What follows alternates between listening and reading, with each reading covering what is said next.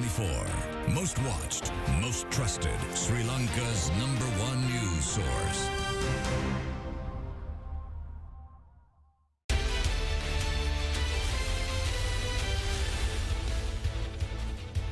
අයිබවන් සුබදෑසනක් අදත් බික් ෆෝකස් සංවාදය සමගින් ඔබ සුපුරුදු වේලාවට එක් වන්නේ.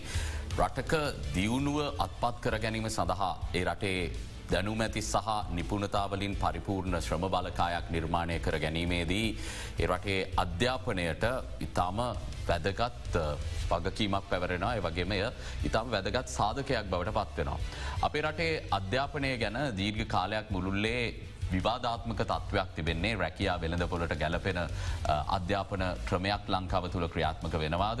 මේ විභාගමූලික අධ්‍යාපන ක්‍රමය ඔස්සේ අපි තවදුරටත් ඉදිරියට ගියොත් ලෝකයේ සෙසු රටවල් එක්ක තරඟ කරද්දි අපේ ශ්‍රම බලකාය මොනවගේ අභියෝගවලට මුහුණ දෙයිද අනාදී වශයෙන්.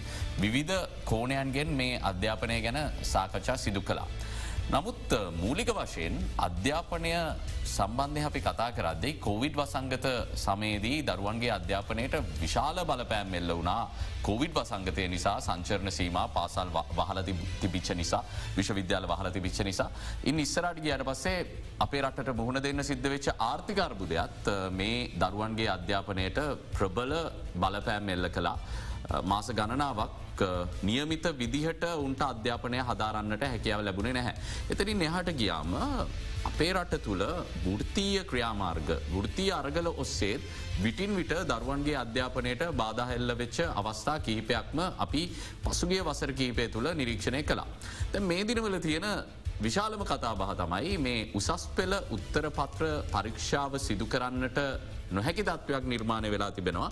විශ්වවිද්‍යාලාචාරවරුන් ඒ සඳහා මේ වන විට අවතීරණ නොවී තිබෙන පසුබිමක ඔවුන්ගේ ඉල්ලීම බවට පත්වෙලා තිබෙන්නේ විශේෂෙන්ම මේ රජයේ නව බදු ප්‍රතිපත්තිය සම්බන්ධයෙන් සාධනීය සාකච්ඡාවක් තමන්ට ලැබෙන තෙක් තමන් විශ්වවිද්‍යාල ආචාරවරු විදියට මේ කටයුතුට සහභාගි වෙන්න නැහැ කියලා. අද උන්ගෙන්ම විමසන්නට අපි සූදනම් වෙනවා මොන වගේ ස්ථාවරයකද මේ වෙද්දින්නේ මේ වෙද්දි ධරණ සාවරයට එන්න හේතුවෙච්ච කරුණු මොනවාද අනාගතයේදී උන් සතුව තියෙන යෝජනා මුණනාද කියන කාරණාව ගැන අපි කතාබහ කරන්නට අද බික්‍ෆෝක සංවාදය වෙන් කරනවා. විශ්වවිද්‍යාල ආචාරවරුන්ගේ සමිති සම්මේලනේ මාධ්‍ය ප්‍රකාශක ජේෂ්ඨ කතිකාචාරය චාරුදත්ත ඉළංග සිංහ මහත්මාව මුලින්ම පිළිගන්වා බික් ෆෝග සංවාදයට අයිබුවන් කිය. ඒත් එක්කම අපි ආරාධන කලා විශ්වවිද්‍යාල ආචාරවරුන්ගේ සමිති සම්මේලනයේ සාමාජික මහාචාරය ජීවන්ත ප්‍රේමරත්න මහත්මයටත් ඔබතුමාවත් අයිබුවන් කියලා පිළිගන්න. අයිබුවන්. මුලින්ම මං මාධ්‍ය ප්‍රකාශකතුමාට යොමුවෙන්නේ දැන් මේ වෙද්දි ඊයේ ඔබතුමාලගේ ස්ථාවරය බවට පත්වෙලා තිබුණේ ජනාධිපතිවරයා සමඟ සාකච්ඡාවක් සිදු කිරීමෙන් පසුව තමයි මේ කටයුතු වලට යොමුවෙන්නේ කියලා. මොකක්ද ඔබතුමාල ජනාධිපත්තුමා සමඟ පවත්වන සාකච්ඡාවේදී අරමුණු කරන්න. පැදිලියම කලින්දු අපි ප්‍රථමෙන් ස්තුතිවන්තන අපිට මේ අවස්ථාව ලබාදීම ගැන. මහිතන්නේ මේ වෙනකොට විශ්වවිද්‍යාල ආචාර්ය සමිති සම්මේලනය තමන්ගේ ජීවත්වීමේ ගැටලු පසෙ කලා මේ රටේ අධ්‍යාපනය ගැන හිතල දරුවන් ගැන හිතල තමයි තීරණයක් ගත්තේ අපි උසස් පෙළ ප්‍රශ්නපත් පරීක්ෂාවට සහභාගි වෙනවා කියල එක ඇතරම් ප්‍රශ්නපත්‍ර අධීක්ෂණ කටයුතුවලට. එදට මේ තත්ත්වය එක පාර ඇතිවුණ දෙයක් නෙමෙයි. අපි උසස් පෙළ විභාගය ආරම්භ වෙන්නත් ප්‍රථමයෙන් විශේෂයෙන්ම මේ බදු ගැටලුවත් එක්ක අපි මේ ආණ්ඩුවට යොමු කරා මේ බදු ගැටලුවට යම්කිසි සහනයක් දෙන්න කියලා. ඉරස්සේ උසස් පෙළ මේ ආරම්ෙන්ඩත් ප්‍රථමයෙන් අපි දැනුම් දුන්නා. අපි විශේෂම මේ ෘත්‍ය සමිති ක්‍රියාමාර්ගයකට එන්නේ එක පාරම මේ වැඩවර්ජනවලට එහෙම යනවා නෙමේ. අපි පැහැදිලිවම කිව්වා අපිට මෙහෙම බදු සහනයක් අවශ්‍යයි මොකද ආචාරරු බහුතර ප්‍රමාණයකට ඉතාම බරපතල විදිහට මේ වෙනකොට ගැටලු රාශයක් ඇතිලා තියෙනවා. සමහර ආචාරවරුන්ගේ වැටු රින මට්ටමට ගිහින් තියෙනවා. එකන ඉදිනෙදා බේත් හෙත්තික හාගන්න බැරුව එමනත් කෑමබීමටික හාගන්න බැරි තත්වට අචර වැටල තිබ. එතට මේ තත්වත් එක් අපි මේ ආණ්ඩුවට ජනාධපතිවලට දැනුම් දුන්නා අපිට සාකච්ඡා මාර්ග මේක විසඳා ගැනීමට අවශ්‍යයි යම් සහනයක්. අපි කිවෙන බදු ගෙවන්න බැහැ කියලා. අපි අපි බදු ගෙවන්න ලෑස්ති නමුත් මේක මේ ආචාරවරුන්ට ජීවත්වෙන්න පුළුවන් මට්ටමකට මේක ගේමු කියලා. එත පස්සේ අපි මේක සම්බන්ධයෙන් ආණ්ඩුවට මේ ප්‍රශ්න ප්‍රශ්නය යොමු කරට පස්සේ ඇත්තන අපිට සාකච්ඡාවක් ලබා දුන්න එකවතාවක් විශේෂයෙන්ම වෘතිවේදීන්ගේ වෘතිය සමිති එකමුතුවට. එතට ඒක තමයි එකම අවස්ථාව මේනකං කිසිම වෙන රැස්වීමක් අපිට දීල නැහැ ජනාධිපතිවරත් එක් මේ මොනමාසේද ඒ ෘතියවේදීන්ගේ එකමුතුවට සාකච්ඡාව ලැබුණේ සාකච්ඡාව ලැබුණ ඇතරම ගිය පෙබරවාරි මාසය වගේ මාර්ත මාස මුල්ල වගේ. එතවට ඒ සාකච්ඡාවදී අපි ඉදිරිපත් කරපු කරුණු ජනාධිපතිවරයා සහ මහබැංකු අධිපතිවරයි හිටපු සියලු දෙනා පිළිගත්තා අපි ඉදිරිපත් කරපු කරුණු. මොකද අපි පැහැදිලම කිවේ මේ වෘතිකෙන්ට දීලති ඉදිරිපත් කරලා තියෙන මේ උපයන විට බද්ධ යම්කිසි ආකාරයකින් ආණ්ඩුවට නැති වෙනවන එක යම්කිසි අඩුවක් වෙනවන ඒක ආවරණය කරගන්න කොහොමද කියනකත් අපි යෝජන ඉදිරිපත් කර. ඒ රජය වෛද්‍ය නිලධාරන්ගේ සංගම ඇතුළු සියලම දෙෙන එකතු වෙලා හදපු විකල්පද ඉදිරිපත් කළේ එකන අපි මුලින්ම ඇත්තට මේකෙන් වෙනම විකල්ප මාලාවක් ඉදිරිපත් කළ අපි විශ්වවිද්‍යාල ආචාර්වරු විදිහට මුලයිඉදම් මේ බදු ගැටලුවට විසඳුමක් අවශ්‍යය කියන තැන හිටියා. නමුත් අවසානයේ මේ වෘතිය සමිති සියල්ල මේ පොදු කරුණුවලට එකතුුණා. ඊට පස්සතම අපි යෝජනාවලියක් හැදුවේ මේ බදු ගැටලුවට තීරණාත්මක සාර්ථක සාධාරණ විසඳුමක් ගේන්න කියලා. තොට යෝජනාවලිය මංහිතන්නේ ආණ්ඩුවෙන් පිළිගත්ත. ඒ අනුව ඊට පස්ස අපිට දෙවනියට සාකච්ඡාවක් ලබා දෙනක මේ වෙනතෙක් ඒ සාකච්ඡාව ලැබිල නැහැ. අපි පැදිලම කියන ො සමහර තැන්වල කියන ජනාධපතිවරත් එක්ක දෙතුන් වතාවක් සාකච්ඡා කර එතකොට ඒත් මේක විසඳගන්න බැරිදි කියලා. ද අපි කියන්නේ ඒ සාකච්ඡාවේදී පිළිගත් කරුණුවලට යම් කිසි විසඳුමක් අවශය එතනද අපි ඉදිරිපත් කරේ ඇතරම ජනාධිපතිවරයා කිව්වේ මේක IMF එකේ පලවෙනි රිවිෂන් එකේදී. යම් කිසි විසඳුමක් මේකට ගේනොයි කියලා. ඒ අපිට ලිකිතව දීල තියෙනවා යම් කිසි විසඳුමක් ගේන්න උත්සාහ කරන කියනෙ. නමුත් අපි කිව්වේ ඒ විසඳුම මාසාහයකින් ගේනවා නම් ගැටලුවක් නැහැ මේකට මේ ඉන්ටරිම් සලූෂණ එකක් දෙන්න අන්තර්කාලින විසඳුමක් දෙන්න කියන එක. එකන සමස්ත බදූ ගැටලුවට නෙමෙයි යම් කිසි ආකාරයකින් මේ ආචාර්වරුන්ට එහමනැත්තං මේ ෘතිකින්ට ජීවත්තෙන්ට පුළුවන් යම්කිසි දීමනාවක්. එහෙම එකක් හරි හදල දෙන්න කියෙන මොකද මේ තත්වවට ආචාරුන්ට එදිනෙදා තමන්ගේ වැඩවත් කරගන්න බැරුව. යහපත් මානසිකත්වයක් නැතු මේට කිසි දෙයක් කරන්න බෑ. එතට ඕකත් එක්ක තමයි විශ්වවිද්‍යාල ආචාරවරු උසස් පෙළ ප්‍රශ්නපත්‍ර පරීක්ෂාවෙන් ඉවත් වනේ. ඇත්තට මේ කරේ උසස් පෙළ විභාගේ ආරම්භ වෙන්නත් ප්‍රථමේ. නමුත් ඒ දැනුම්දීමට පස්සේ මහිතන උසස් පෙළ කාලෙම අපි දැක්ක මේ රටේ විදුලිය බරපතල අර්බුදයක් තිබ ඇත්තට මේ දරු බරපත්තල ගැටලු ගණනාවක් එක් තම එතෙන්ටෙන්නේ කොවිඩ් වසංගත කාලි තිබ ගැටලු මේ ඔක්කොමත් එක්ක. ඇවිල්ලා අපි අත්තර මේ ගැටලුව උසස් පෙළ ආරම්භවෙල්ට කලින් ඉදිරිපත් කළේ අපිට අවශ්‍ය නැහැ මේ දරුවන්ව අපහස්ථාවට පත් කරන්න. ඇත්තටම අපි ඒක අදාළ බලධාරීන්ට දැනුම් දුන්නට අපි මාධ්‍යහරහා මේ දරුවන්ට ඒක දැනුම් දුන්නෙත් නෑ දෙමපියන්ට දැනුම් දුන්නෙත් නැහැ. ඒකට හේතුව තමයි ඒ දරුවෝ උසස් පෙළ කරනකොට මානසිකව වැටෙන්න්න පුළ මේ වගේ තත්වයක්කාව. නමුත් මේ උසස් පෙළත් ඉවර වෙලා කාලයක් ගියාට පස් තමයි මේක මේ ප්‍රශ්නයක් විදියට මහිතන ආණ්ඩුව හඳුනා ගත්තේ. ඉති ඒක ඇත්තටම අපේ ගැටලුවක්නම අපි පැහැදිලිම කියනවා මේ හැම තිස්සේම කියන මේ ආචාර්වරු දරුවන්ව ප්‍රාණ ප්‍රාණැපේට අරගෙන තියෙනවා කිය. නමුත් අපි පැහැදිලිවම කියනවා ආචාරවරු නෙමෙයි ආණ්ඩුව තමයි දරුවන්ව ප්‍රාණපේට අරන්තියෙන්. මොකද මේ ගැටලුවට යම් විසඳමක් දෙන්න පුළුවන් එන්ඩුව. නමුත් අපි දක්කද ඒ පෙරේද වෙනකොට ඇත්තටම බරපතලම කාරණය තමයි ජනාධිපතිවරයා කිව්වා මේ ආචාර්වරුන්ට මේ ඔවුන්ගේ දේපල රාජ සන්තක කරනවා. එතකොට මේක අත්‍යවශ්‍ය සේවයක් කරනවා. මංහිතන්න මේ විභාගය ගැනවත් හරි අවබෝධයක් නැතුව කරව ප්‍රකාශ කියල් තමයි අපි හිතන්නේ. ඔකද මේ අපේ පැහැදිලිම ස්වේච්චා කටයුත්තා. සහ ඔය අත්‍යවශ්‍ය සේවාවක් කරනවා කියන එකත් එක්ක කරුණු ගණනාවක් මතුවෙනවා මේක තියෙන මේ විභාගය සම්බන්ධය තියෙන විශ්වසනීයත්වය රහස්‍ය භාවය මේ පිළිබඳ බරපතල ගැටලු ගණනාවක් මතුවෙන. අපි ගැන වෙනම කතා විශේෂම ජනාධිපතිවරයාගේ ස්ථාවරය ගැන වෙනම ම විමසන්නට බලාපොරත්වයන ම මහචාරය ජීවන්ත ප්‍රේමරත්න මාත්මයට යමුවෙන්නේ. දැන් ජනාධිපතිවරයා සමඟ සාකච්ඡාවක් ලැබුණ කියලා කියමුකු.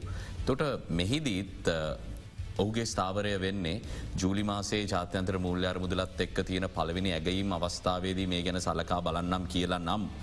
ඒත් ඔබතුමාල අධීක්ෂණ කටයුතුවලට සහභාගි වෙනවාද ඒ සාකච්ඡාවේදී කුමන ප්‍රතිඵලයක් ලැබුණා.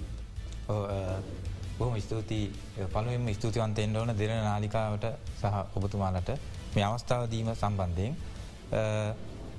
කලින්දු මෙන්න මෙහෙම කිව්වොත් නිවැරදි වඩාත්ම අපි මේ වෘතිය සමිති ක්‍රියාමාර්ගට අවතීරණ වනේ මම හිතන්නේ දෙදස් විසි දෙකේ නොයම්බ දෙසම්බයි නම්ම මේ කතිකාව තිබ්බා. එතකොට අපි ඒ අදාළ බලධාරීන් සහ විශ්විද්‍යාල ප්‍රතිපාදන කොමිතන් සභාව සභාපයතුම ඇතුළු උසස් අධ්‍යාපන ඇමතිතුමා ඇමතිවරයා අධ්‍යාපන ඇමතිවර සහ නිසි බලධාරීන්ට අපි දැනුවත් කර අපි සාකච්ඡාමාර්ගෙන් කර ලිපි ගණු දෙනු කර එතකොට එහෙම ගිහිම් මේක යම්කිසි තැනකට හම අපි ලංචවරකේ එකන්නේ කෑම පයේදී අපි විරෝධතා දැක්වා. අපි අපි ඒවා බොහොම සාධනය විදියට මේ අපේ කමිනිකේෂන් අපි එහෙම කරගෙන ගියා. එහෙම යනකොට එක්තරා තැනකති මේ විශේෂයෙන් බද්දු ප්‍රතිපත්තියත් සමගම විශ්විද්‍යාල විශාල අර්බුද තියනව කෙනෙ අපි කියන්න ඕන. ඉස්සල්ලා මම කියන්න ඕන මේ ඒ උසස් පෙළ විභාගේ සහ අපි දන්නවා ලංකාවේ විභාගටයුතු ගත්තහම පාවත ශිෂ්ෂත් විභාගය ඒක ප්‍රධාන විභාගයක්. එමකද ඔබතුමාටත් අපටත් ඒක අපි ඒවා අත්දැකල තියෙනවා. එතකොට අපි අද මේ තත්වවලට මෙහෙම ඉන්නේ ඒවා ඒ නිසි ක්‍රමවේද යටතේ සිද්ධවන නිසා මේ අපි මහාචාරු බට පත් වනේ ඔබතුමාල මේ බොහොම ජාතියන්තර මට්ට මේ ඉන්න මාධ්‍යවේදින් බට පත් වනේ ඒ පහසර ශිෂ්ත්‍රත්තේ ඊට පස්සේ අපට තියෙනවා ඕලෙවල් එහමට අධ්‍යාපන පුරසාතික පත්‍ර සාමාන්‍ය පිළිභාගය. ඊට පස අපට තියෙන උසස්වල විභාගය. දැන් කවිඳු අපි ලෝක ගත්තත් ලෝක පුරාමතින විශ්විද්‍යාල පද්ධතිවල අධ්‍යාපන ශේත්‍රවල අපට තියෙනවා කේටල් එඩියුකේෂන් සිිටම් එකක්. ඒ ඇනේ එකවසරිදම් දොළහ වසරට යනකම්ම ළමයෙක් අවුරුදු පහේ හය පූර්ණ ළමාවීට පස්සේ ප්‍රාථමික දවිතීක සහ තුතික එහෙම තම ඕක එන්නේ.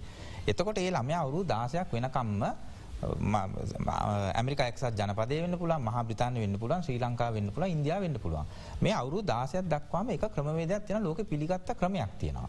එතර ඒ ක්‍රමවලදී අපි ඒ ළමයින්ව සහ අපේ ඒ අනාගත පරම්පරාව ඉස්සරහට යවන්න කොයි පැත්තටද. අපට ඒ වෘත්තිකයන් හදන්න කොහොමද. අර ඔබතුමා කියනවගේ මේ රටට අපේ වෘත්තිකයන් සහය අවශ්‍ය දැනුම එමට සංවර්ධනය උදෙසා අපි කොහොමද පරම්පරාව හදන්න කියන එක යටතේ තමයි මේ ශ්‍රී ලංකාවත් දස ගණතාව තිස්සේ. අර ලෝකෙ තියෙන ක්‍රමවේදයන්ට අනුගත වෙමින් යන්න මේක ඒක කියන්න අපි සංවර්ධනය පතිනටක් වෙන්න පුළුවන්. නමුත් ඔබතුමා දන්න අපේ සෞඛ්‍ය අධ්‍යාපනය ගත්තහම අපේ ඉන්න ඒ එකන දැනුම තියන ආචාරවෙන් පුලා මහාචාරවෙන් පුලා විසිසත්න වෛද්‍යවෙන්න පුළුවන් ලෝකය අනිකුත් අයත් සමඟ කරට කර නොදවිනිව වැඩකටතු කරන්න පුළුවන් හැකියාවත් තියෙනවා. එතකොට මෙහෙම තියෙනකොට අපි වෘත්තිකයන් හැටියට. අපිත් අර අවුරුදු පහේ හිටපු ළමයා අද අවුරුදු හතලිය පනාවෙත්ත මහාචාරු බවට පත්වනේ මේ ක්‍රමවේදයන් හොඳින් ආකාරයෙන් සිද්ධවන් නිසා. එක එක කාල වකවානුවල විවිධ ප්‍රශ්න සාකච්ඡා මතු වෙනවා. නමුත් ඒවා අපි හැමතිස්සේම කරන්නේ සාකච්ඡා මාර්ගයෙන් සම්මුතියෙන්. අපි ඕක ඉංග්‍රිසි කෙනට ෆ්‍රෙන්ලියන් කන්ඩියසු ඇත්මස්ෆිය. එමනත්තං අපි බොහොම මේ සාහහිමකව තම තීන්දු තීරණ ගන්න. එතර එතනදී විශ්වවිද්‍යාල ආචාරවෙන්න පුළුවන් අප ගුරු මහත්මත්මයද පුළුවන් ගරු ඇමතුමා වන්න පුලන් ජනපතුමා පුලන් එහමනත විභාගරපාර්මයන්තුවේ සිටින අනෙකුත් නිර්ධාරී මහත්මින් පුළුවන්.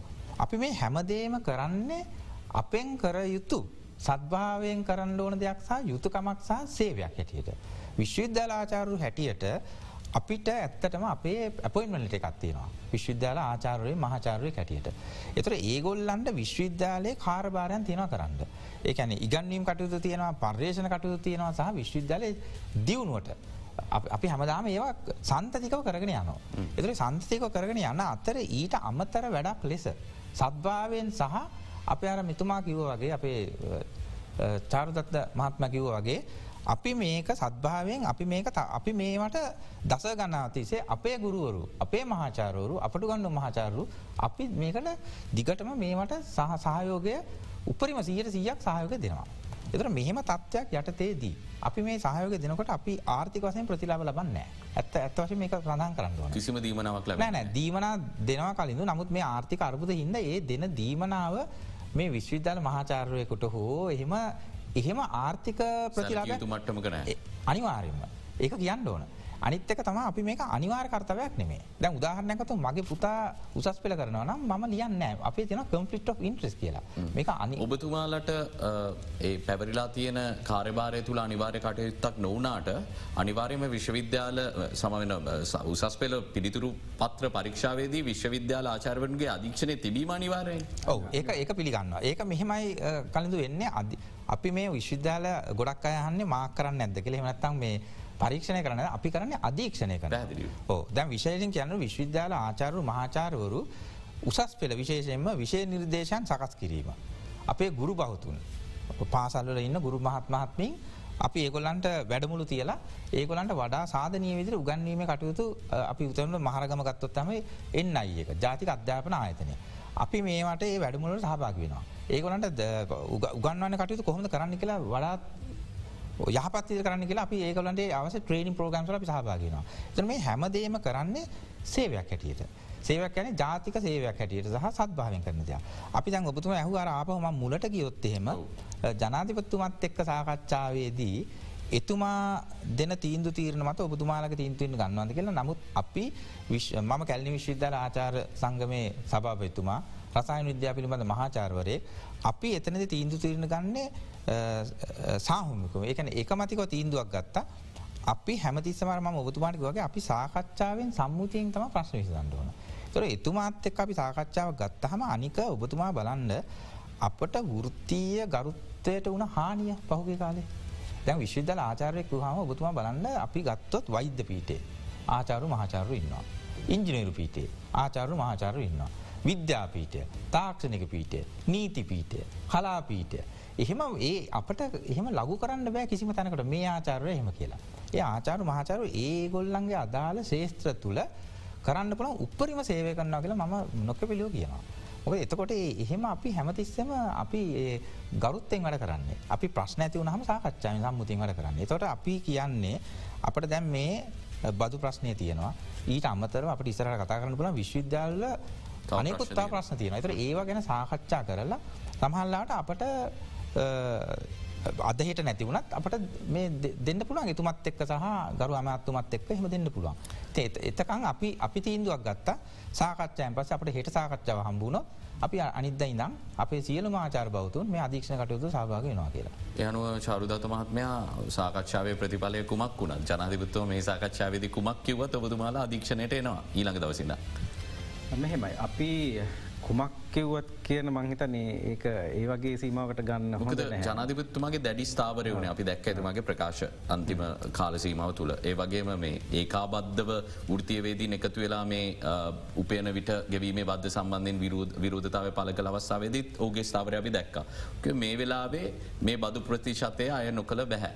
මේ බදු දැලපුළුල් කිරීම හෝ මේ ඉදිරිපත් වෙන විකල්ප ක්‍රියාත්ම කරන්නත් කල්ගත වෙනවා. එනිසා මේ ජූලි මාසේ සිදුවෙන ජාතන්ත්‍ර මුූල්ල අරමුදලේ පලවෙනි ඇගේීම අවස්ථාව වනතෙක් සියලුම දෙනා මේ විදියට අනුගත වෙන්න. දැ මේ සාකච්ඡාවවෙදිත් ඒමනං කියන ජනාධිපත්තුමා. මගේ නිශ්ෂිත ප්‍රශ්නය. ඔබතුමාලා එකඟ වෙනවාද. මෙහෙමයි. අපි හිතැන් මෙහෙමන. අපි එකම දේ සාකච්ඡා කරන්න නැවත නැවස සාකච්ඡාවලට ගිහිල්ල වැඩක් නැහැ. අපි හිතන මේ වෙනකොට මේ රටේ තියෙන ප්‍රශ්නය වගේ විශේෂයෙන්ම විශ්වවිද්‍යාල ආචාරුන්ගේ ප්‍රශ්නය දරුවන්ගේ ප්‍රශ්නය තේරුම් අරගෙන අපි හිතන එතුමාට ඊට වැඩිය පීවරක් ඉස්සරට එන්න පුළුවන් කියලා. ඔබතුමලට ඉංගි තියන විශේෂ අධ්‍යාපන අමාත්‍යවරයා සමඟ සිදු කර ලද සාකච්ඡාවලදී තවත් සෙසු නිලධාරින් සමඟ සිදු කර ලද සාකච්ඡාවලදී ජනාධිපතිවරයා මේ අවස්ථාවේදී විශ්වවිද්‍යාල ආචාරවරුන් වෙනුවෙන්. යම් කිසි ආකාරක සහනයක් ලබා දෙන්නට සූදානමින් ඉන්නවා කිලින්ගයක් තියෙනවාද මේ සාකච්ඡාවිල්ලන්නේ. ඇතර මෙහෙමද අපිට අපි අධ්‍යාපන අමාත්‍යවරත් එක්ක කරපු සාකච්ඡාවලදී අපි කිසිසේත්ම අර මේ මහාචාරතුමා කිව්ව වගේ දීමනා පිළිබඳ සාකච්ඡා කරලා නෑ. එකන ඇත්තර මේ දීමනා ගැනීම අරමුණු කරගෙන නෙමෙයි අපි මේ උසස් පෙළ ප්‍රශ්න පත්‍ර පරීක්ෂාවට යන්නේ. මොකද ඒ ඒ වගේ මේ ගාද අපි දැක්ක ඒ පෙරේදා ප්‍රශ්න සමස්ත බදු ප්‍රතිපත්තිය සම්බන්ධයෙන් සහනයක්. මේ දීමන සම්බන්ධය නෙමේ දෛනික ලබාදෙන් දීම අපිශ විද්‍යාලාචාරවරෙක්ට වැඩක් නැතිවෙන පුල නෑ අපි බදු ප්‍රතිපත්තිය සම්බන්ධයෙන් සමස්ත එකන අවසාන දැන්ව ෘතිකන්ට දෙන සහන අපි හෙටනිදට ඉල්ලන්න හැ ඒ අපි පැහදිල එතන ඉන්නවා. මොකද ඒක අපිත් තේරුම් අරන්තියන රට වැටලා තියෙන්නේ. එතකොට මේ මේක යම් අයම ඇත් එක් යම් කිසි එකඟතාවයන්තින එක නිසා වෙනස් කරන්න බැරිවෙන්න පුළ නමුත් ඒකද කාලයක් කියල තියෙන ඒමුණුත් කෙනෙකුට ප්‍රශ්යක් මතුවයනවා ද ඔබතුමාල හෙට අනිද්ද මේක බලාපොරොත්තු වෙන්නෙත් නැත්තම්. දරුවන්ගේ උත්තර පත්‍ර පරීක්ෂා කිරීම මාස දෙකුත් දින තුනක් ප්‍රමාද වනේ නිකරුණේ කියලා පැහැදිලිම ඔළුවට එනවා. නෑ අපි ඇත්තටම ඒ කියන්නේ ඒ ඒ සමස්ත ප්‍රතිඵලයට කලින් අපි ඉල්ලුවනේ අන්තර්කාලීන විසඳුම. ට ඒකට ආණ්ඩුව පැත්තෙන් අපිට ප්‍රතිචාරයක් තිබ්බා එහ අන්තර්කාලීන විසඳුමක් දෙන්ඩ ජනාධපති කාරයාල යම්කිසි සැලසුමක් තියනොයි කියලා. අපි මේ සාකච්ඡාව ගන්න තේ සැලසුම යම් කිසි ආකාරයකට අවසන් කරලා ඒ අන්තර්කාලන විසඳුම දේ කියන බලාපොරොත්තු. අන්තර්කාලන විසිතුම් මට තව පැහදිලි කරගන්න ඔබ තුමාල දෙදනාම මේ උත්තර දුන්නට ගවන්න මගේ ප්‍රශ්නවලට. මොකක්ද මේ අන්තර්කාලීන විසිදුම කියලා උන් යෝජනා කරේ. අන්තර්කාලන විසඳුම් විදිහට ඒකැන දැ මේ වෙනකොට උදාහරණයක් ඉදිරිගත්තුත් අපේ පර්යේෂණ දීමනාව තියෙන. ගැන ඒක විශ්වවිද්‍යාල ආචාර්වරු වෙනම ලියලා පර්යේෂණ කරලා ඒකට ගන්න ඒදීමනාව. නමුත් ඒදීමනාවත් මේ වෙනකොට ටැක්සෙනවා. එතකොට ඒ පර්යේෂණය එතනින් එහට කොහොමද කරන්න ඒක පිළිබඳ එකැන ඒක සාධාරණය කරණය කරන්න බැරි තත්වක තිය. එතකොට මෙන්න මේ වගේ ලිහිල් කරහැක් කරන්න පුළුවන් දීමනා තියෙන. එතකොට එහෙම යම්කිසි දීමනාවක් මොද අපි මම කලිනොත් කිවන දැන් අපි මේ මේ වෘතිය සමිති ක්‍රියාමාර්ගවලට එන්නේ ජීවත්වෙන්න පුළුවන් මට්ටකම තිබ්බන අපි කිසිම වෙලාක මෙතැන්ට එන්නේ නැහැ. ආචාරවරු සමහර ආචාරවරුන්ගේ වැටුප බින්දුවට රිනමට්ටමට ගිහින් තියෙන මේ තියෙන අයගෙවීම ඇතුළ සිය පැහදිලම් එකන මේක එක පාර දාපු අමානුෂික බදු ක්‍රමයක්. පැහදිලි සමන් සමරට ජීවත්තය නිතුරු කරම් හිටපු ගාන තමයි ඒක තමයි බදුවලට පැහදිි කොට පොඩි බාධක ඒකට මෙන්න මෙහම කිවොත් හෙමතන් ඔබතුමා හනවා මේ මාස දෙකයි දින කිහිපයක් මේ නිකම්ම වතුර යනවද මේ අපි කරපු ෘතිය ක්‍රියාමාර්ගය. මේ වෘතිය ක්‍රියාමාර්ගය කලින්දු අපේ වෘතිය ක්‍රියාමාර්ගවල එක ක්‍රියාවලියක් තම මේ ඒලවල් අධීක්ෂණ කටතුවලින් තාවකාලික ඉවත් සිටීම. ඊට අමතරව අපය වෙන ඉල්ලින් ගොඩක් තියනම විශ්විද්‍යාර පද්ධතිය තුළ හොඳ හොඳම උදාහරණය ගත්තොත් ම අංශාධිපති නමුත් විශ්වවිද්‍යාල පද්ධතිය තියෙන ඉල්ලීම් වෙනුවෙන්. පාසල් දරුවන්ගේ මේ උත්තර පත්‍ර පරීක්ෂාව නිවත්වීම ගැලපීමක් නැත්ත නැද්ද. මෙහෙම ඒක ඒකාර is like two sides of the coin කාසිය දෙපැත්ත වගේ තමා අපි කියන්න ඕන ෘතිය සමිති ක්‍රියාමාර්ග ගන්නකොට අපි මොකද මේකෙන් වක්්‍රාකාරයෙන් සාමාන්‍ය පෙළත් ප්‍රමාදය ඒක මං හිතන්නේ මේ ඒක හිතල හදපු කතාවක්. මත් කියන එක හිතලුවක් කියල. මොකද අපි දන්නා තැන් ඊයේ මංහිතන පාලිමෙන්ති කතා කර මේ ඉඩ නෑ කියල ප්‍රශ්න පත්තර තියාගන්න. තැන් එහෙම මේක කලින්ඳු අනික මේක මේ විභාගයක් පාත්තනකොට විභාග දෙපාර්මවෙන්තුව තියෙනවා. විභාග කොමතාරිස්තුමා ඉන්න උපකොමතාරිස්වරු ඉන්නවා. අධ්‍යක්ෂක මණ්ඩලයක් ඉන්නවා. අංච ප්‍රධාන තුමන්ල තුමියලා ඉන්නවා. ඊට අමත උසස්දන අමාත්‍යන්ස ඇත්තන මේක සම්පූර්ණ කරන්න ඕන කළමනා කරණය කරන්න ඕන. තුළ කළමනා කරණය කරනකොට අපි අධීක්ෂණ කටයුතුන් තාවකාලික ඉවත් වෙනවා කියනකොට අර කිව්ව මෙතුම කියන වගේ අන්තර්කාලන විසඳුමකට ඇවිල්ලා. මේ ඒලවල් ටික කරන්න මෙහෙම කියලා අර ම කිවගේ සාකච්ඡය සම්පතින් කරන්න ඕන මේක. මෙතන තියෙනවා ලොකු පරස්පර විරෝධී මේ සංනිවේදන ප්‍රශ්නයක් තියෙනවා. මෙත ජනාධිපතිතුමා එක්ක සාකච්ඡා ලැබුණේ එකයි කියන එක ඔබතුමා පැහදිලි කර. නමුත් ජනාධිපත්තුමට සමරට සෑම සාකච්ඡාවකට මෙන්න බැරිවෙන්න පුළුවන්. මේ ජනාධිපති ලේකම් කාරයාල පැත්තෙන් විශ්වවිද්‍යාල ප්‍රතිපාදන කොමිෂන් සභාව පැත්තෙන් මේ අදාල බලධාරන්ගේ පැත්තේ ඔබතුමාලට වෙනත් සාකච්ඡා නිරන්තරයෙන් ලැබුණ නැද්ද. වෙනත් සාකච්ඡා ලැබුණට අපේ නිශ්චිත ප්‍රශ්නය සාකච්ඡා කරන්න තරම් ඉඩක් එතන නැහැ. මොකද ඒ සම්බන්ධයෙන් තීන්දු තීරණ ගණඩ වෙන්නේ අනිවාර්යම ජනාධිපති ජනාධිපතිතුමා එතවට ඒ සම්බන්ධයෙන් අපිට යම්කිසි පොරුන්දුවක් තියෙන ජනාධිපතිතුමාගෙන් මොකද මුල් අවස්ථාවදම මේ ගැටලුව කියද්දි යම්කිසි අන්තර්කාලීන විසඳුමකට එන්ඩ එතුමාගේ කැමැත්තක් තිබ ඇතර මුල් අවස්ථාව. එතකොට අපි බලාපොරොත් වනම් පහු අදහස් කරේ ඇගීම අවස්ථාවෙන් පස්සේ කියලන මේ සියල්ල.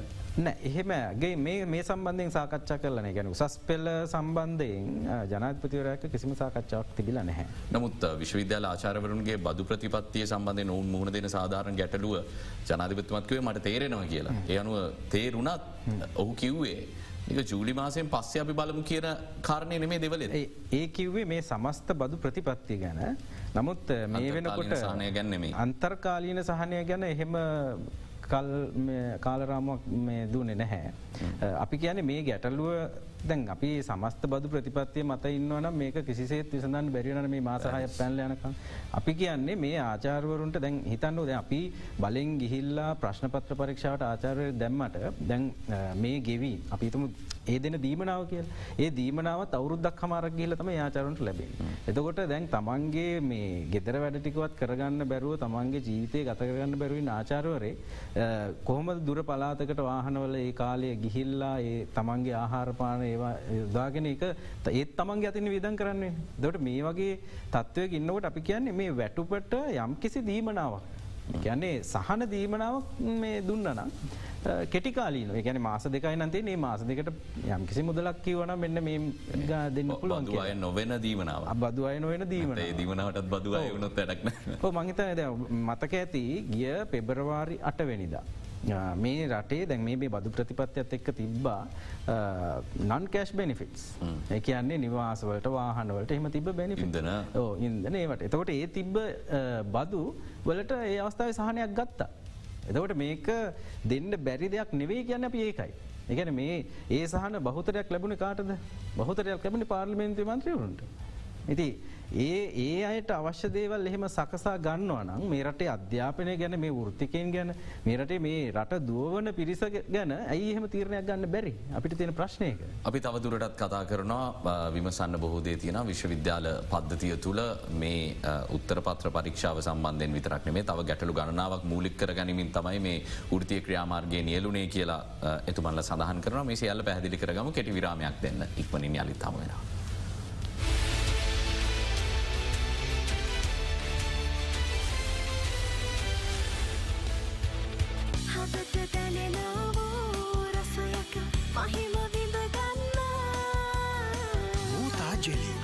දැනෙන රසක මහිම. ගෙදර හැමෝටම YouTube, Facebook, Instagram, WhatsApp, වයිබ සඳහා හඳුන්වා දෙන Dialog home broadband home social plan එක. ඇක්ටිවේ කිරීම රීලෝඩ් හෝ මයි ඩයිලොග් ඇ් මගින්. සුපිරි අධිවේගේ ඩයිලොග හෝම් බෝඩ්බන්ඩ් තලෙලු කලු සුදු මේ හැම සමක්ම නීරෝගී නම් ලස්සනයි. ලියා ඩයිමන්් වල අඩංගු ප්‍රබල ප්‍රතියෝක්ෂිකාරක විටමින් C මැරයින් කොලිජන් ඔබේ සම නිරෝගී කරමින් ස්වභාවික සුන්දරත්වය හා දීප්තිය ඔප්නංවයි. ලියා ඩයිමන්ඩ් අභ්‍යන්තර පෝෂණ සත්කාරය. රසයිතිරිලා ෆෝර්චුන් කුකින් ඔය සෙනහස එක් කළ සුපිරිසිදු විශ්වාසය. මෙතර ආදරණීයන්ට එතර සිට මුදල්ලෙවන පහසුම හරිම විදිහ සම්පත් ඊරිමිටන්ස්.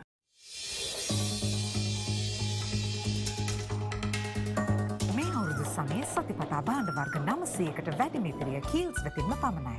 තලෙලු කලු සුදු මේ හැම සමක්ම නීරෝගී නම් ලස්සනයි ලියා ඩයිමන්් වල අඩංගු ප්‍රබල ප්‍රතියෝක්ෂිකාරක විටමින් C මැරයින් කොලිජන් ඔබේ සම නිරෝගී කරමින් ස්වභාවික සුන්දරත්වය හා දීප්තිය ඔප්නංවයි ලියා ඩයිමන්ඩ් අභ්‍යන්තර පෝෂණ සත්කාරය. කෙනෝලා සහ සූරකාන්ත ශාකසාරතෙල් අනුසාරයෙන් නිපදවා ඇති ඔමෙගත්තුන්න සහ හයන් සමන්විත ෆ්ලෝරස් සමඟ ඔයාගේ හදවතට ආදරය කරන ගමන් ඔයාගේ කෑමවලටත් ආදරය කරන්න. ඩයිලොක් මෙගා වාසනා මේ වසරේ දෙවනි කෝටිපතියා ගම්පහ ප්‍රදේශයේ තුෂාර ප්‍රියදර්ශන වහදා මෙන්න වාසනාවන්තය මල්ලි උණුසුම්මත් පොලසන්නාදක් ලබා දෙන්න අපේ කොල්ලෙක් ඊට පස්සේ මාලිගාවේ හිටපු හැමෝම සතුටින් ජීවත් වුණා. ලස්සන කතාවක් කවුදාට කියලා දුන්නේ? අම්මා මට තෑග්ගක් දුන්නා. ඒකේ තමයි තිබුණේ කතන්දර පොතක්ද? කතන්දර, කවි, සින්දු, ලස්සන පින්තූර ගොඩාක් පිළලා තියෙන තෑග්ගක්. ඒ මොකද්ද? කිරණ පෙර පාසල. කිරණ පෙර පාසල. අපිට අකුරු කියලා දෙන, කවි, සින්දු, කතන්දර තියෙන, පාට කරන්න රූප තියෙන, ලස්සන පින්තූර ගොඩක් තියෙන පත්තරේ. ඔයාලත් අදම ගන්න අප්‍රේල් කලාපය දැන් නිකුත් වුණා. කිරණ පෙර පාසල. පුංචි අපිට දැනුම බෙදන ලස්සනම පත්තරේ. දශකායක විශ්වාසයෙන් ඔබ රසවත් කළ මූතා ඉන්ග්‍රඩියන්ස්. පුතේ ඔය රටඉදල එපු සල්ලි හම්බ වුණා. කෞදු හමිකවිදි බයිස්කලයකින් දීලගී ඒත් පුතේ ඔය විදියට රුපියල්ල වෙල වැඩක් නෑ කියලා අයිය කිව්වා. පුතේ මල්ලි වෙල තිබුණ මේක තියාගන්න. මට එපාම්මේ. මල්ලි මම ඉගෙනගත්ත නිදහස් අධ්‍යාපනය. එකට ගෙවේ මේ රටේ මිනිස්සු. මං මේ රටේ ඉඳගෙන රස්සාාව කරලා. මගේ ආදායමෙන් බදුගෙවලා. සල්ලි දීලගන්න හැම දේකටමත් බදුගෙවලා මං මගේ යුතුකං හිටකන්න. මල්ලිටත් කියන්න. එයාට රටවෙන යුතුකම් ඉටු කරන්න ඕන්නම් හරියට බැංකෝට සල්ලි වන්න කියලා. එහෙමුණොත් කියන්න පුළුවන් මේ රටින් එයාට ලැබිච්ච නිදහස් අධ්‍යාපනය වෙනුවෙන්. ඉපදිච්ච ස්ප්‍රීතාල වෙනුවෙන් වියදන් කරපු ජනතාවට එයාගේ යුතුකම එස්ට කරනවා කියලා. උන්ඩියල් කරන සල්ලි කියල කියන්නේ කළු සල්ලි. ඒවාත ගානකොට අපටත් පඩිසන් දෙනවා. ඒ ඉද පුතේ ඔය එවන සල්ලි හරි විදියට බැංකෝට වන්න ඇත්තම්මට ඔය සල්ලි එපා. මයි පුතා පරිස්සමින් ඉන්ඩ. ශ්‍රී ලංකා අලවි කරන ආයතනයේ පනිවිඩයකි.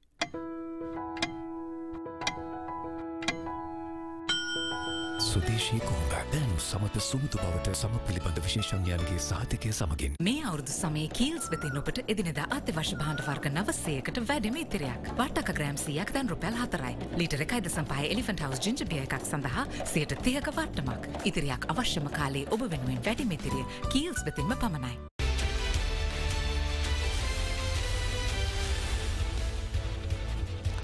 විශ්වවිද්‍යාල ආචාරවරුන්ගේ සමිති සම්මේලනයේ නියෝජිතන් සමඟ සාකච්ඡා කරමින් සිටින්නේ මේ වන විට උසස් පෙළ උත්තර පත්‍ර පරීක්ෂාවට අදාළව නිර්මාණය වෙලා තියෙන තත්ත්වය සම්බන්ධයෙන්. චාරුදත් ඉළඟ සිංහ මහත්මයා දැන් මට නැවතවතාවක් පැහදිලි කරගන්න ඕන කාරණය දැන් ජනාධිපතිවරයා සමඟ සාකච්ඡාවකදී යම් කිසි අන්තර්කාලීන සහන ඔබතුමාලා බලාපොරත්තු වෙනවා. මේ පර්යේෂණ සඳහා සිදු කරන විට ලැබෙන දීමනාව බද්ධ නිවත්වීම ඇතුළු සහන කීපයක්. ඒවාට ජනාධිපතිවරයාගේ පැත්තෙන් යම් හයකින් ධනාත්මක ප්‍රතිචාරයක් නොලැබුණොත් මොන වගේ ස්ථාවරයක ඉන්දීදමක දැන් මේ වෘතිය සමිති ක්‍රියාමාර්ගය කොහෙන්ද අවසන් වෙන්න කියෙනෙක තමයි රට තියෙන ප්‍රශ්නය. මහිතන්නේ අපිට මේ වෘතිය සමිති ක්‍රියාමාර්ගය දිගට පවත්තාගෙනයම අවශ්‍යතාව පැහැදිලිම නෑ එක තමයි අපි තිය කරේ අපි මේ වෘතිය සමිති ක්‍රියාමාර්ගෙන් අයින් වෙනයි කියන එක. එතට ඒ අපි පැහැදිලම් ප්‍රකාශ කල කොන්දේශයක් එක් ජනාධිපතිවරයා සමඟ සාකච්ඡාව ඕ ඉති මංහිතන්නේ ජනාධිපතිතුමා එක්ක කරන සාකච්ඡාවේදී මොනවගේ තීරණයකට එනවාද කියෙන ඇත්තටම අපිට පූර්ව නිගමනයකට එන්න බැහැ මොකද ඒක සාකච්ඡාවක් කියන්නේ කන එතකොට දැන් දැන් ජනාධිපතිවරයා එක්ක සාකච්ඡාවේදී යම් කිසි විසඳුමක් එන්න පුළුවන් විසඳුමන් නොවෙන්න පුළුව යම් කිසි එකඟතාවයක් එන්න පුළුවන්. යම් කිසි විදිහට අපිතුම අදහෙට දෙන්න බැන ලිකිත එකඟතාවකට එන්න පුළුවන්. මේගේ ගණ ගණනාවක් තියෙනන එතකොට දැන් මේ මුකුත්ම බැරුව ජනාධිපතිවරයා කිසිම දෙයක් එන්නත ඔබ කියන විදිට එනවනම් මං හිතන්නේ මේ දැන් එක පැහැදිලි පරිසරයක් රටේ තියෙනවා. අපි හැමතිස්සම කියනද තමයි මේ ජනාධිපතිවරයා පත්වෙන්නේ ජනතාවක චන්ද එන්නෙමි. ලෙජිටිමසි එකක් නැහැ කියන අපි කියන එතුමාට නමුත් ව්‍යවස්ථාන ව්‍යවස්ථානුගොල එතුමා ජනාධපති අපි ඒකන එතුමාත් එක සාකච්ඡා කරන්න. එතකොට මම හිතන්නේ ජනාධිපතිවරයාට යුතුකමක් සහ වගකීමක් තියන මේ ආචාරවරු සහ මේ ජනතාවක සාකච්ඡා කරමින් වැඩේ ගෙනියන්. ොද එතනදි හරි එතකොට මේ ජනතාවගේ තියෙන අවශ්‍යතා මොනවද අදහස මොකක්ද කියනක තේරුම් ගන්න පුළුවන්.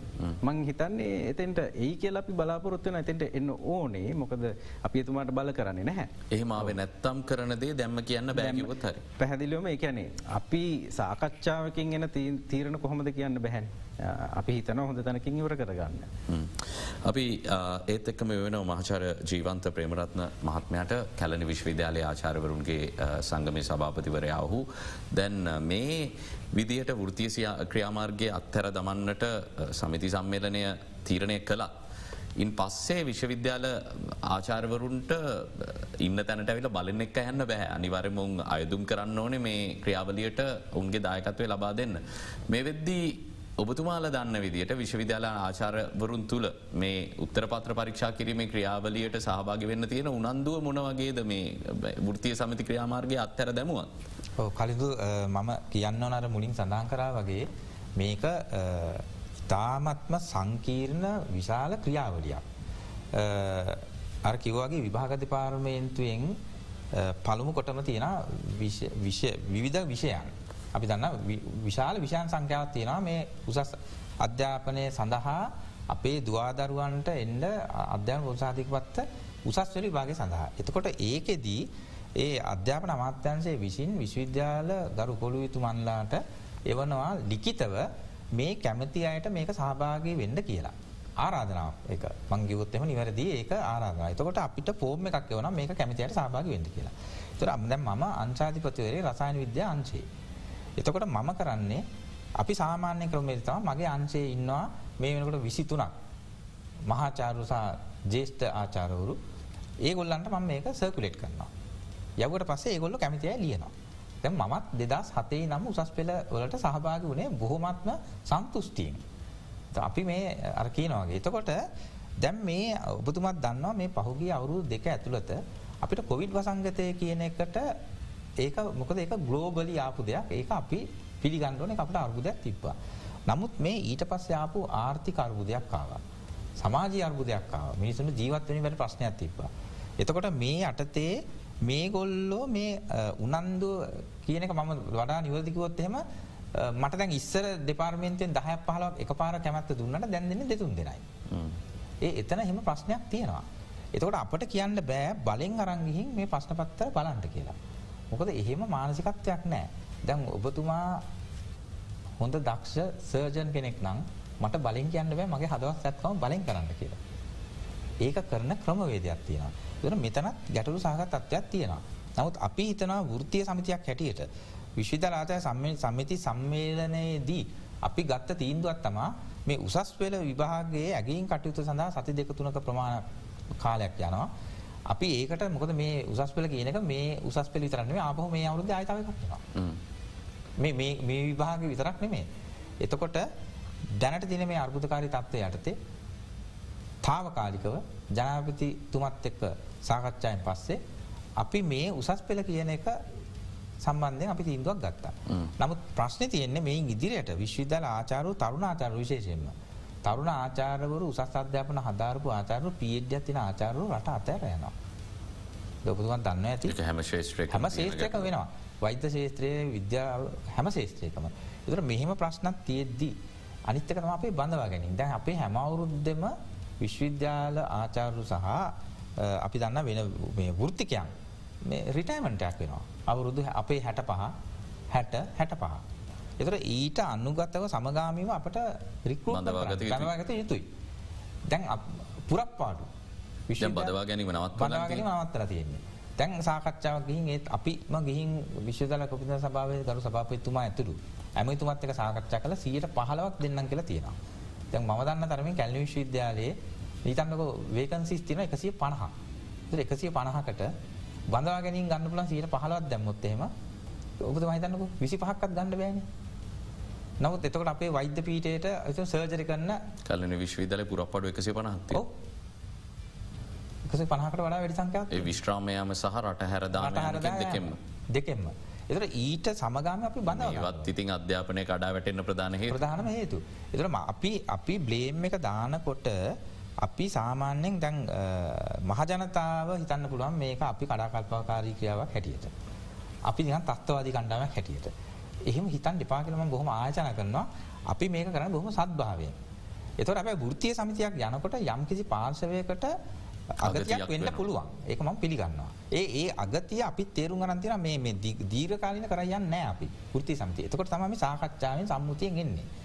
නමුත් අර මෙතන මේ මෙතුමා මේ අපේ චාරුදත්ත ඉළංගසිංහ මැතුමා කිව්වාගේ අපි නම්ම සීලීතාවයක් හෝ පෙන්න්න ඕන පවතින රජය. සාකච්ඡාවත් දෙන්න ඕන. අන්තරකාල විසඳමකට එන්ඩ ඕන. එහෙම්ම නැත්තුවම මේක ගිහම තවත් කලකිරීම් ඇති වෙලා. මේ රට අතාරල යන බවට පත්වෙනවා. ෘතිකයන් විශේෂ විශේෂ විශ්වවිද්‍යාල පද්ධතිය විශාල අර්බුදයක තියෙන් අද වෙනකොට. ඇත්තරම අපි කඳු සමීක්ෂණයක් කර මේ අර්බුදය ඇතිවෙන්න කලින්.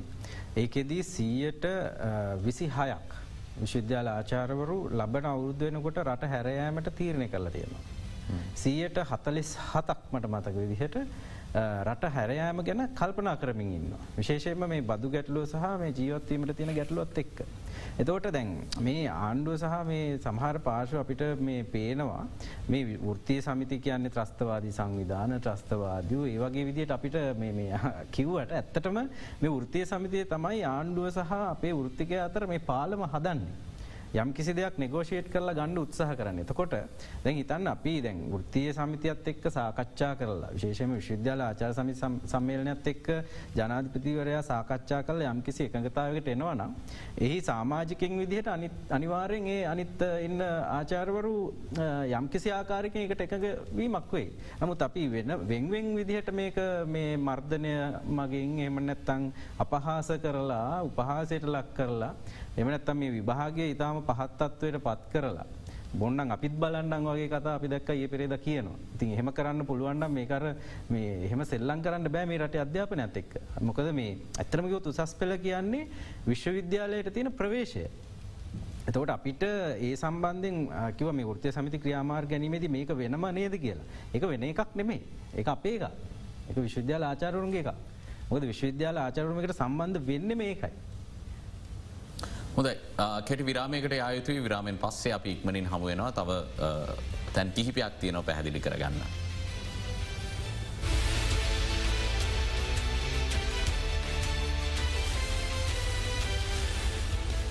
තලෙලු කලු සුදු. මේ හැම සමක්ම නීරෝගී නම් ලස්සනයි. ලියා ඩයිමන්් වල අඩංගු ප්‍රබල ප්‍රතියෝක්ෂිකාරක විටමින් C මැරයින් කොලජන් ඔබේ සම නිරෝගී කරමින් ස්වභාවික සුන්දරත්වය හා දීප්තිය ඔප්නංවයි. ලියා ඩයිමන්ඩ් අභ්‍යන්තර පෝෂණ සත්කාරය.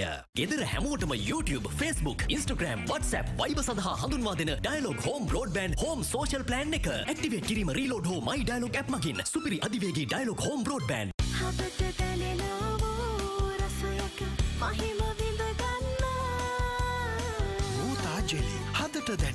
රසක මහිම. මෙතර ආදරණීයන්ට එතර සිට මුදල්ලෙවන පහසුම හරිම විදිහ සම්පත් ඊරිමිටන්ස්.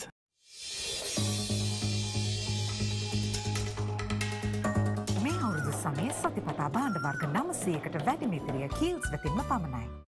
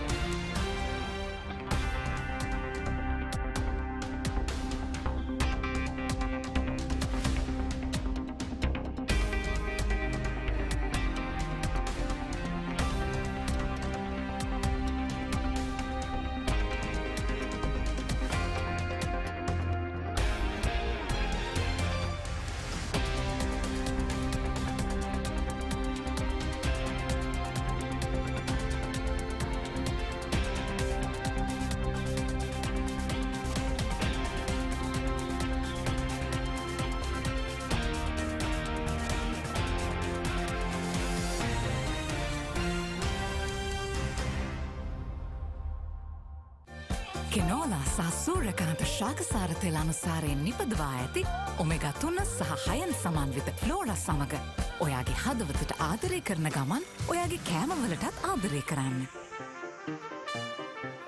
පුතේ ඔය රටඉදල එපු සල්ලි හම්බ වුණා කවුදු ළමේකවිදි බයිස්කලයකින් දීලගී ඒත් පුතේ ඔය විදියට රුපියල්ල වෙල වැඩක් නෑ කියලා අයිය කිව්වා. පුතේ මල්ලි වෙල තිබුණ මේක තියාගන්න. මට එපාම්මේ. මල්ලි මම ඉගෙනගත්ත නිදහස් අධ්‍යාපනය. එකට ගෙවේ මේ රටේ මිනිස්සු. මං මේ රටේ ඉඳගෙන රස්සාාව කරලා. මගේ ආදායමෙන් බදුගෙවලා. සල්ලි දීලගන්න හැම දේකටමත් බදුගෙවලා මං මගේ යුතුකං ඉටකන්න. මල්ලිටත් කියන්න. එයාට රටවෙන යුතුකම් ඉටු කරන්න ඕන්නම් හරියට බැංකෝට සල්ලි වන්න කියලා. එහෙමුණොත් කියන්න පුළුවන් මේ රටින් එයාට ලැබිච්ච නිදහස් අධ්‍යාපනය වෙනුවෙන්. ඉපදිච්ච ස්ප්‍රීතාල වෙනුවෙන් වේදන් කරපු ජනතාවට එයාගේ යුතුකම එස්ට කරනවා කියලා. උන්ඩියල් කරන සල්ලි කියල කියන්නේ කළු සල්ලි. ඒවාත ගානකොට අපටත් පඩිසන් දෙනවා.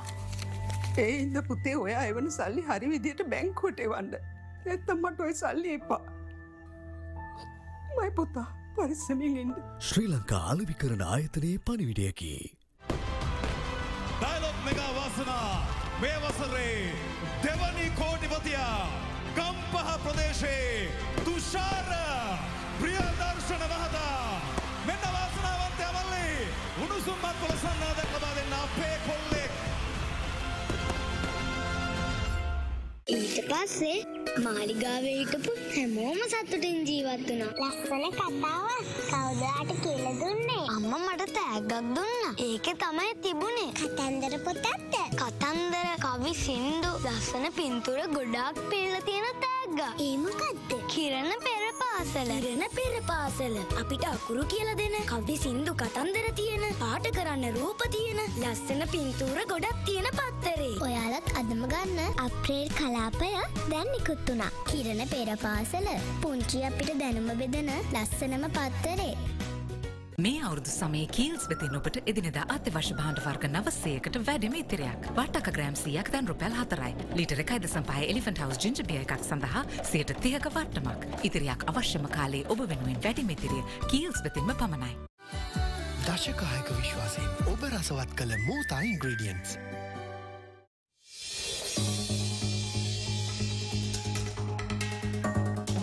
සමය සතිපතා භාණ්ඩ වර්ග නමසයකට වැඩිමිතිරිය කීල්ස් වෙතින්ම පමණයි. හදට දැනෙනවෝ රසයක මහිම විඳගන්න මෝතා ජෙලි හදට දැනෙන රසක මහිම.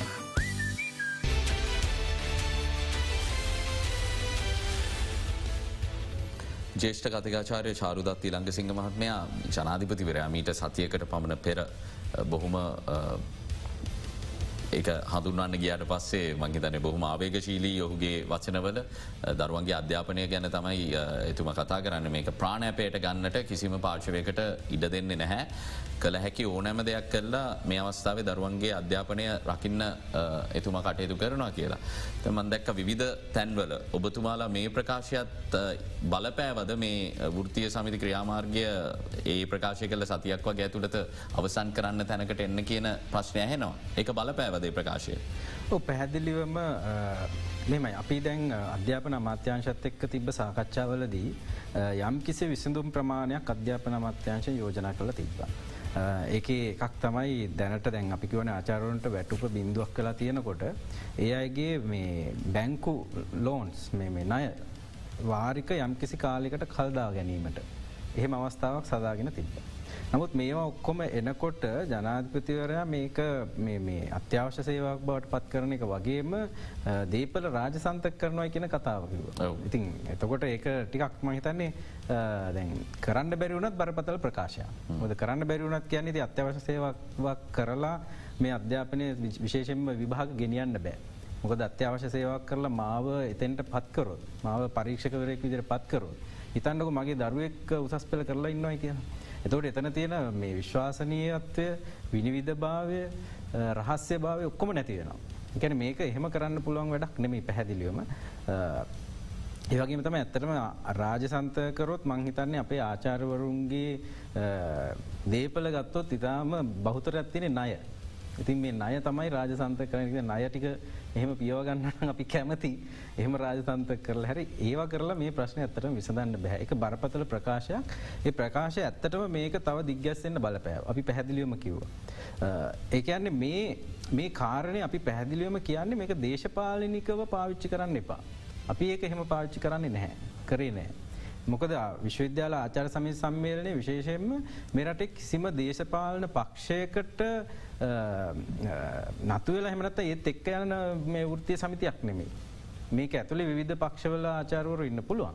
හැබැයි අපි හැම වෙලායම ස්වාධීන කිසිම පක්ෂයකට මේ පක්ෂග්‍රාහිවුණු තීන්දු තීරණ ගත්ත කණ්ඩායමක් නෙමේ විශ්වවිද්‍යල ආචාරු කියන්නේ ඒවගේම දීර්ඝකාලීන කල්පනා කලතම අපි මේ තීන්දු තීරණ ගන්න උසස් පෙල කරලා අපිතම ප්‍රතිඵල ගත්තයි කරලා ළමයි සිසුන් ප්‍රතිඵල ගන්නවා.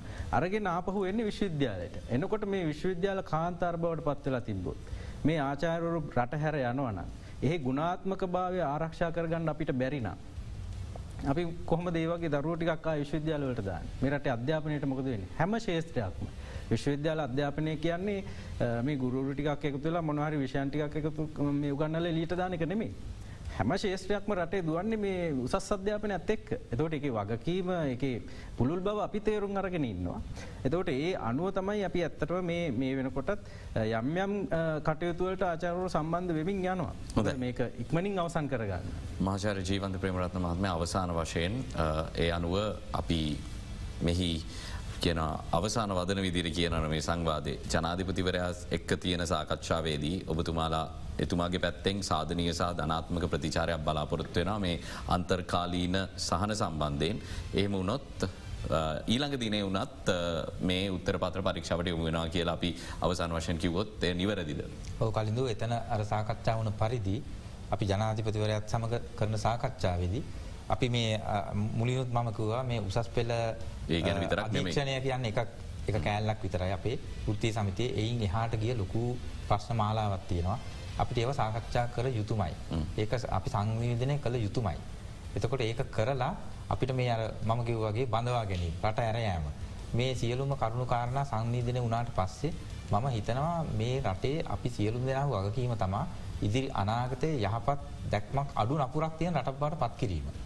මේ අඩු නපුරක් තියෙන තැනට යනකොට අපි සියලු දෙනාම එකට එකතිය යුතුයි. එහෙම නැතු අර කිව්ව වගේ අයිසොලේට් වෙලා නිකම් වෙන වෙනම සාකච්ඡා කිරීමෙන් ප්‍රතිඵල රහිතයි.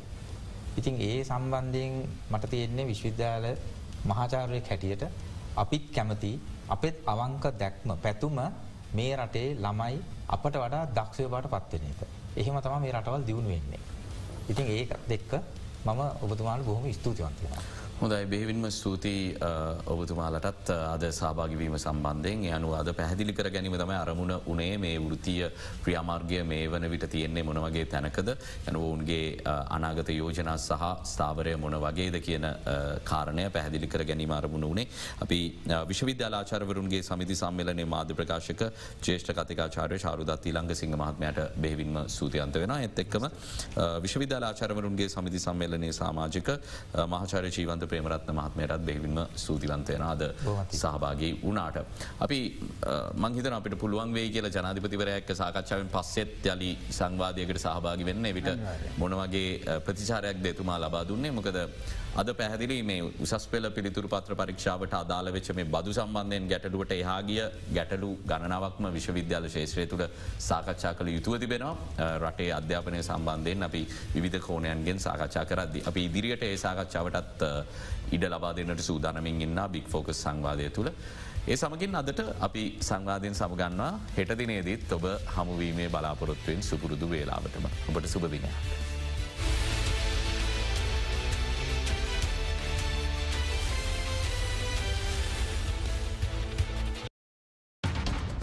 Most watched, most trusted. Ada Derana 24. Sri Lanka's number one news source.